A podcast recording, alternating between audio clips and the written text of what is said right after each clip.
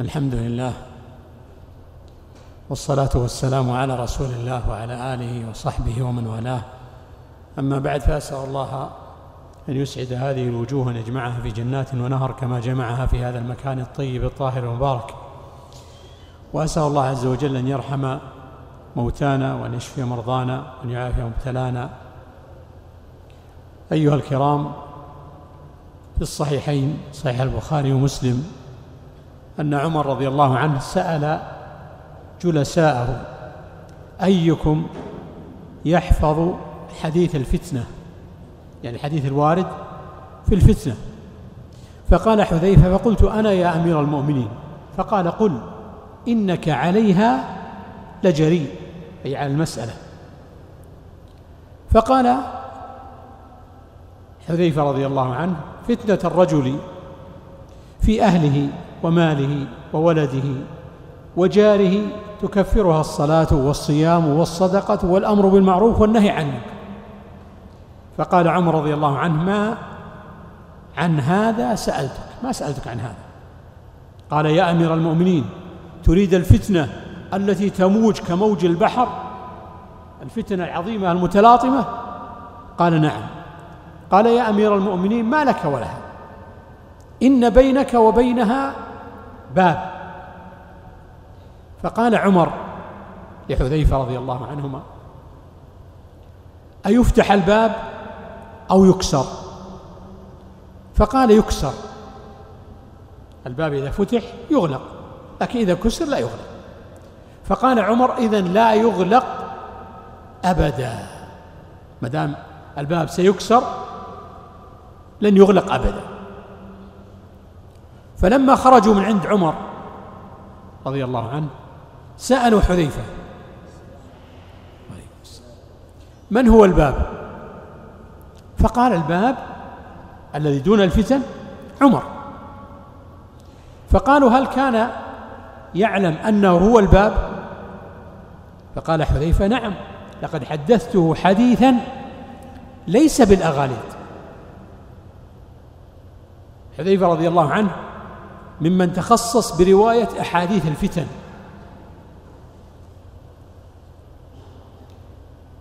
هذا الحديث الذي دار بين حذيفة وعمر يدل على أن الفتن منها صغار لا يخلو منها أحد ومنها كبار متلاطمة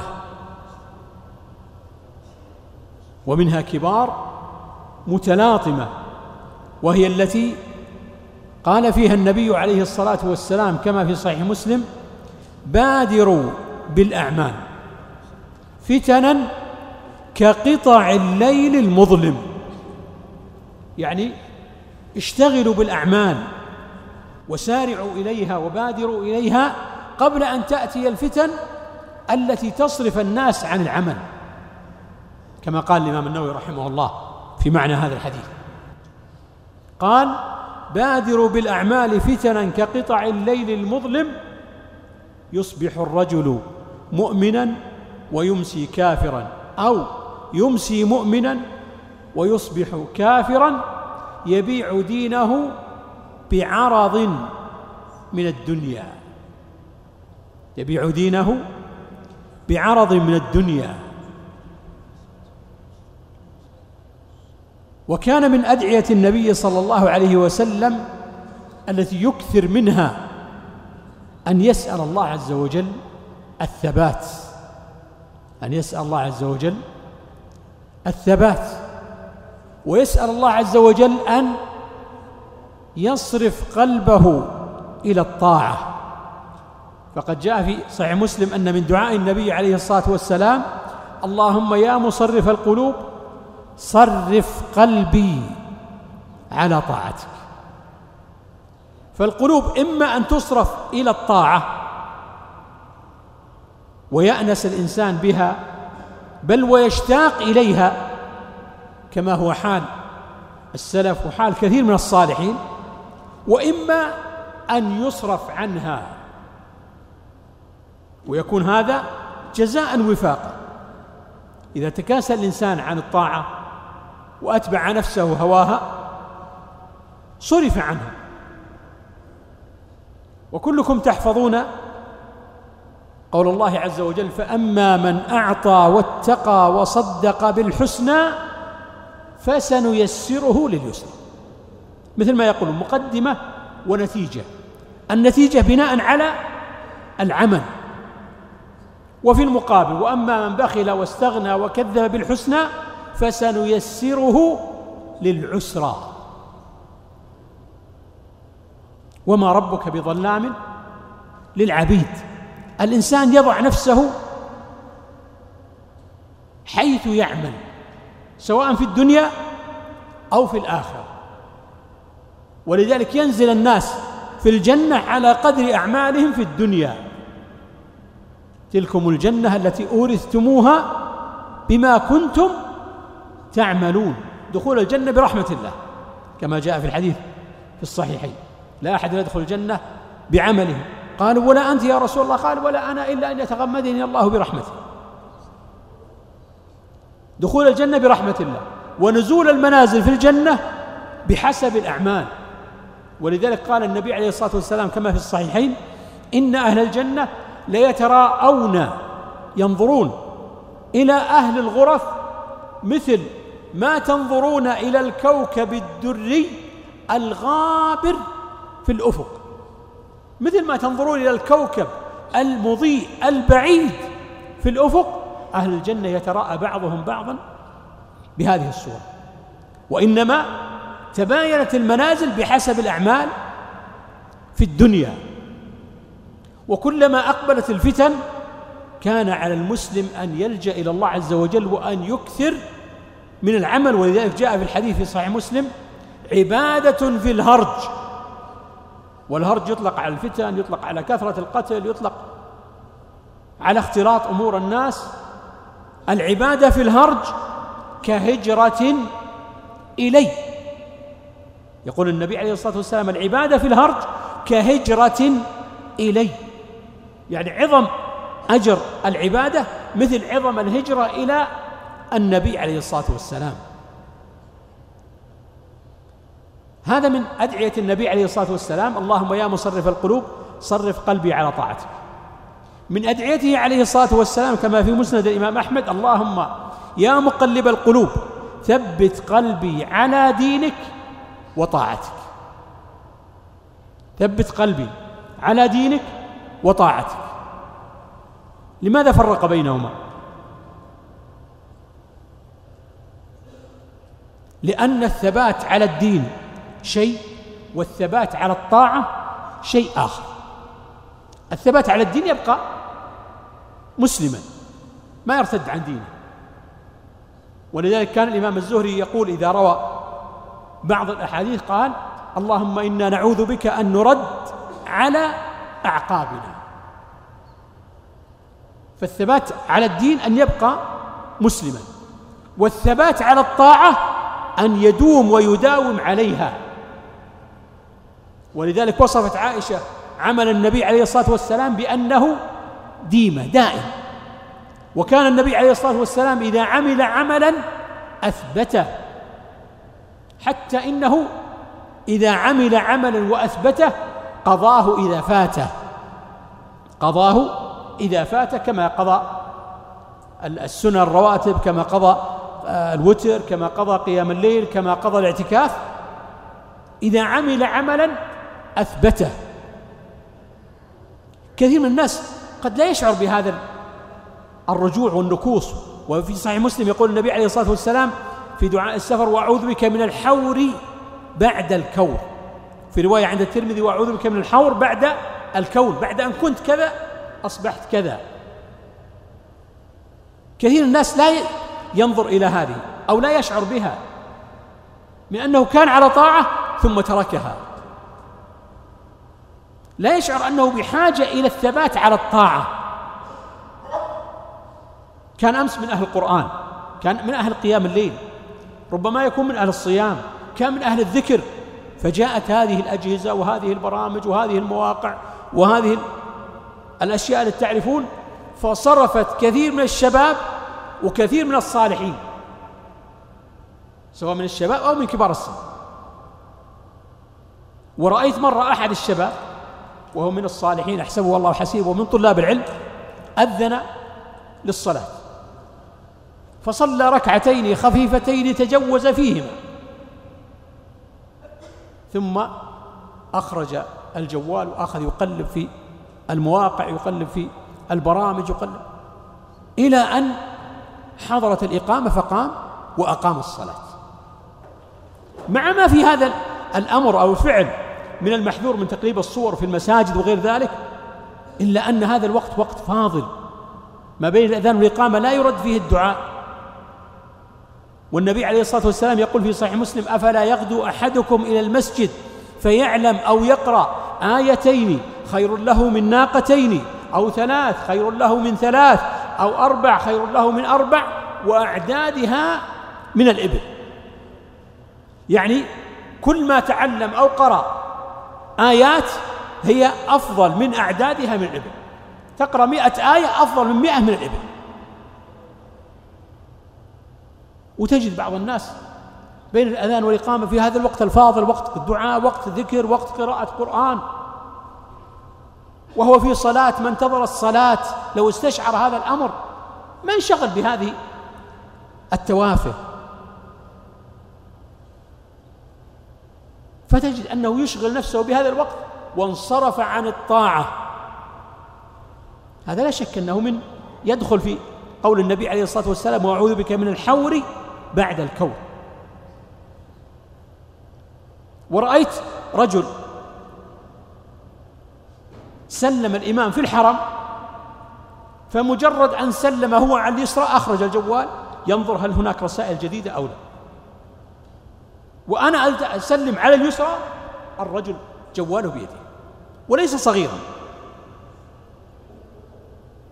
هذا قبل أن يقول استغفر الله استغفر الله استغفر الله اللهم أنت السلام قبل أي شيء.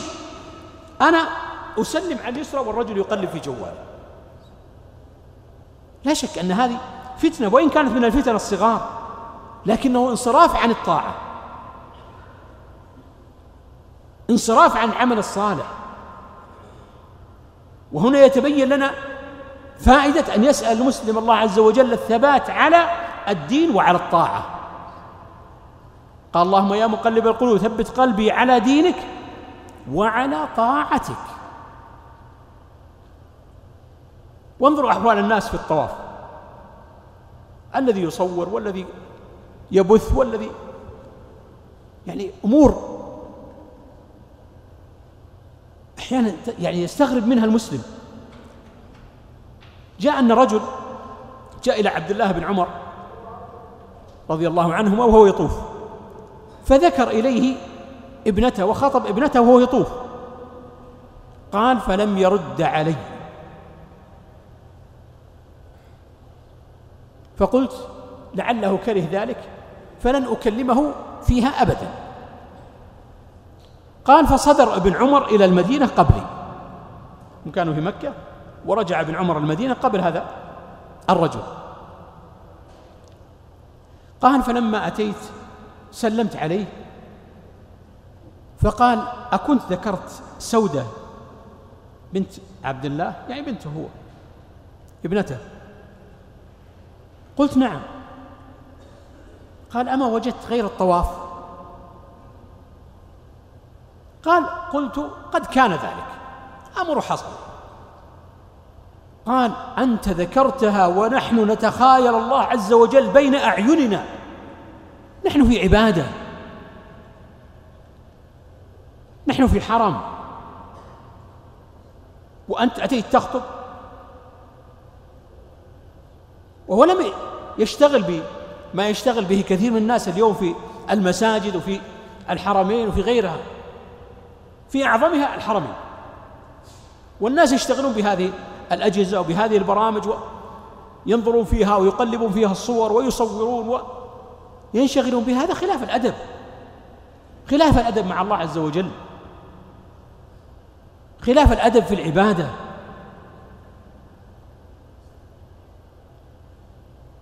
الدعاء الثالث الذي قال فيه النبي عليه الصلاة والسلام لشداد بن أوس إذا كنز الناس الذهب والفضة فاكنز أنت هؤلاء الكلمات. اللهم إني أسألك الثبات في الأمر.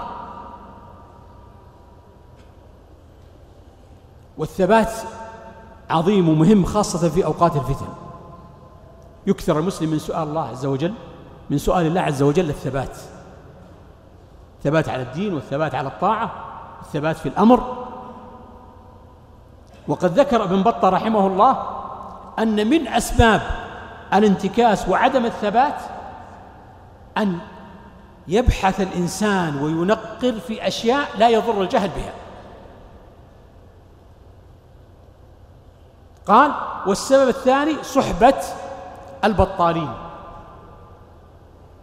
صحبة البطالين من لا يعينك على الطاعة؟ من لا يذكرك بالطاعة؟ فالتنقير قد نهى عنه النبي عليه الصلاة والسلام.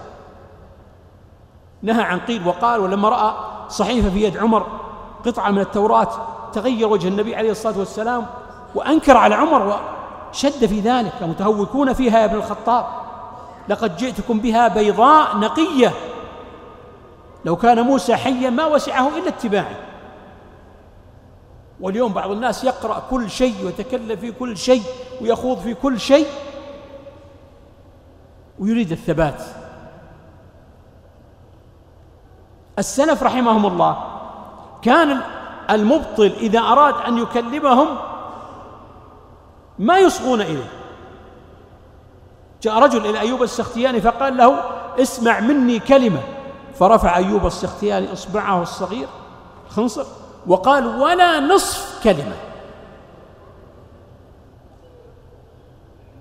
وقيل لآخر قال له رجل مبتدع تعال أقرأ عليك آية. قال له لا. فسئل عن ذلك آية من كتاب الله. قال خشيت أن يلبسها علي فيقع في قلبي شيء. اليوم الناس في مواقع التواصل وفي هذه البرامج وفي غيرها يقرؤون كل شيء ويصغون إلى كل شبهة. ابن القيم رحمه الله يقول جعلت أورد على شيخ الإسلام ابن تيمية إيرادا بعد إيراد وإشكال بعد إشكال. يطرح عليه إشكالات. قال فأوصاني بوصية لا أعلم أنني انتفعت بوصية مثلها. قال لا تجعل قلبك كالسفنجة يمتص كل ما يقع عليه. قلوب كثير من الناس اليوم مثل الاسفنج من هذه المواقع من هذه الرسائل وشبهات وأشياء تثار فتقع في قلبه. قال لا تجعل قلبك مثل السفنجة يمتص كل ما يقع عليه ولكن اجعله كالمرآة الصقيلة تمر الأشياء عليها وتبقى صقيلة ولذلك يقال في سيرة أحد العلماء إنه تشرب الشبهة وابتلعها وعجز أن يتقيأها.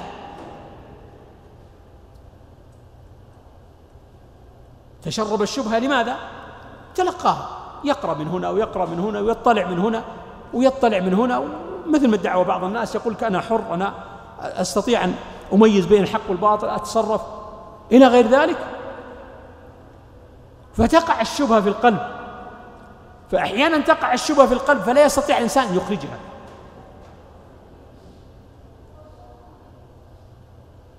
يقول شداد بن أوس في الكلمات التي قال له النبي عليه الصلاة والسلام إذا كنز الناس الذهب والفضة فاكنز أنت هؤلاء الكلمات اللهم أني أسألك الثبات في الأمر والعزيمة على الرشد وأسألك حسن عبادتك وشكر نعمتك. وأسألك قلبا سليما ولسانا صادقا. اللهم إني أستغفرك لما لما تعلم. اللهم إني أستغفرك لما تعلم. وأعوذ بك من شر ما تعلم. وأسألك من خير ما تعلم. إنك أنت علام الغيوب. خذوا هذه الكلمات. كنز. من كنوز السنة في أقل من ربع دقيقة تقول. وهذا الحديث رواه الإمام أحمد والترمذي والنسائي. فأكثروا من هذه الدعوات خاصة في أزمنة الفتن. سؤال الله عز وجل الثبات يا مصرف القلوب صرف قلبي على طاعتك يا مقلب القلوب ثبت قلبي على دينك وطاعتك. اللهم إني أسأل أسألك الثبات في الأمر. أسألك الثبات في الأمر. اللهم إنا نسألك الثبات في الأمر. اللهم يا مقلب القلوب ثبت قلوبنا على دينك وطاعتك. اللهم يا مقلب القلوب ثبت قلوبنا على دينك وطاعتك. اللهم يا مصرف القلوب صرف قلوبنا على طاعتك. اللهم يا مصرف القلوب صرف قلوبنا على طاعتك. اللهم اشف مرضانا وعاف مبتلانا وارحم موتانا اللهم فرج هم المهمومين ونفس كرب المكروبين واقض الدين عن المدينين. اللهم اشف مرضانا وعاف مبتلانا وارحم موتانا. والله أعلم. وصلى الله وسلم على نبينا محمد.